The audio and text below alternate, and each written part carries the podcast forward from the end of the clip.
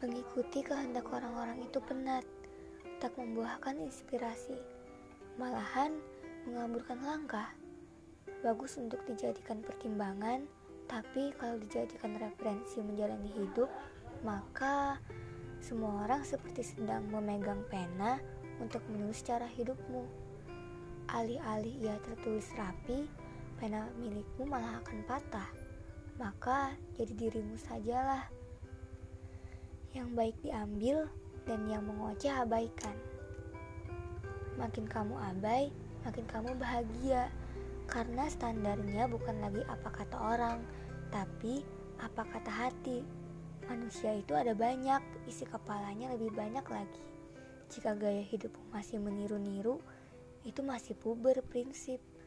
Jalani fasenya, tapi jangan terjebak selamanya. Akan ada saatnya kamu menemukan dirimu sendiri dan tak perlulah copy paste gaya orang. Kamu ya kamu. Justru itu yang membuat dirimu berkarakter. Maka, jadilah dirimu sendiri.